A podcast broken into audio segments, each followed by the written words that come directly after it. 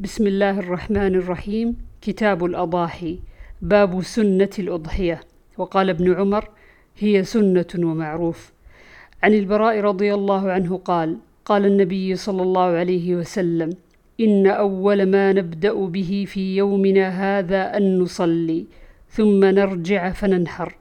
من فعله فقد أصاب سنتنا ومن ذبح قبل فإنما هو لحم قدمه لأهله. ليس من النسك في شيء.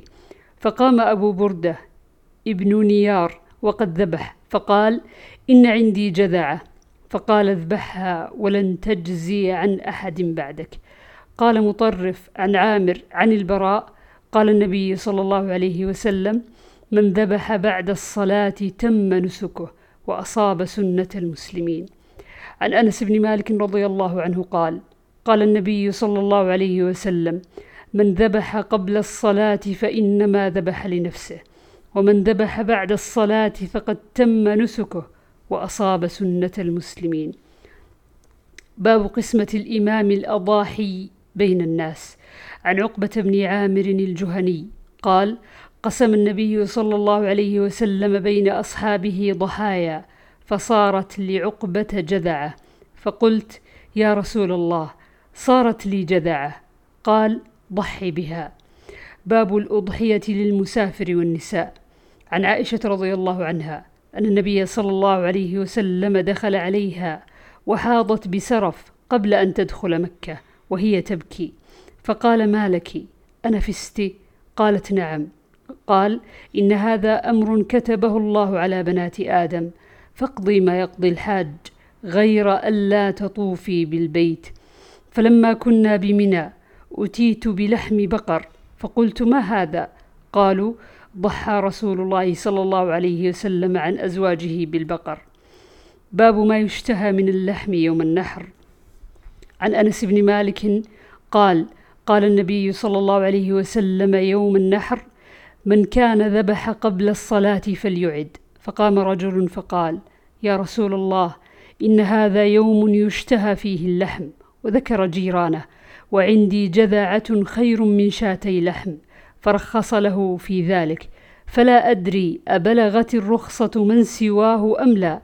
ثم انكفأ النبي صلى الله عليه وسلم إلى كبشين فذبحهما وقام الناس إلى غنيمة فتوزعوها أو قال فتجزعوها. باب من قال الأضحى يوم النحر. عن أبي بكرة رضي الله عنه عن النبي صلى الله عليه وسلم قال إن الزمان قد استدار كهيئته يوم خلق الله السماوات والأرض السنة اثنا عشر شهرا منها أربعة حرم ثلاث متواليات ذو القعدة وذو الحجة والمحرم ورجب مضر الذي بين جمادى وشعبان. أي شهر هذا؟ قلنا الله ورسوله أعلم. فسكت حتى ظننا أنه سيسميه بغير اسمه. قال أليس ذا الحجة؟ قلنا بلى قال أي بلد هذا؟ قلنا الله ورسوله أعلم فسكت حتى ظننا أنه سيسميه بغير اسمه قال أليس البلدة؟ قلنا بلى قال فأي يوم هذا؟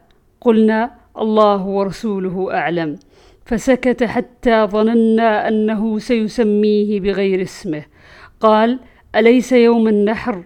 قلنا بلى. قال فإن دماءكم وأموالكم قال محمد وأحسبه قال وأعراضكم عليكم حرام كحرمة يومكم هذا في بلدكم هذا في شهركم هذا وستلقون ربكم فيسألكم عن أعمالكم. ألا فلا ترجعوا بعدي ضلالا يضرب بعضكم رقاب بعض. ألا ليبلغ الشاهد الغائب؟ فلعل بعض من يبلغه أن يكون أوعى له من بعض من سمعه. فكان محمد إذا ذكره قال صدق النبي صلى الله عليه وسلم. ثم قال ألا هل بلغت؟ ألا هل بلغت؟ باب الأضحى والنحر بالمصلى. النافع؟ قال كان عبد الله ينحر في المنحر. قال عبيد الله يعني منحر النبي صلى الله عليه وسلم. وعن ابن عمر رضي الله عنهما قال كان رسول الله صلى الله عليه وسلم يذبح وينحر بالمصلى.